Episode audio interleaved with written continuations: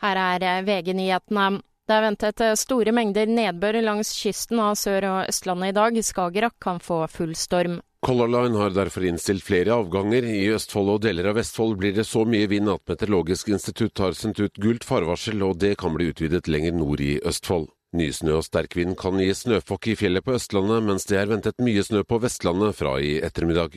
Reporter Frode Sti. En mann i 40-årene er fraktet til sykehus etter å ha blitt knivstukket i en matbutikk i Sarpsborg sent i går kveld. To eller tre personer løp bort fra stedet. Det er én pågrepet. Fornærmede er operert og på bedringens vei. Vi har navn på blokka som vi ønsker å komme i kontakt med av gjerningspersoner. Det kommer vi til å jobbe videre med utover. Det sa operasjonsleder Terje Marstad. I Spania er 19 personer fortsatt ikke gjort rede for etter en kraftig brann i to boligblokker i Valencia. Minst fire personer er bekreftet omkommet og 14 er skadet.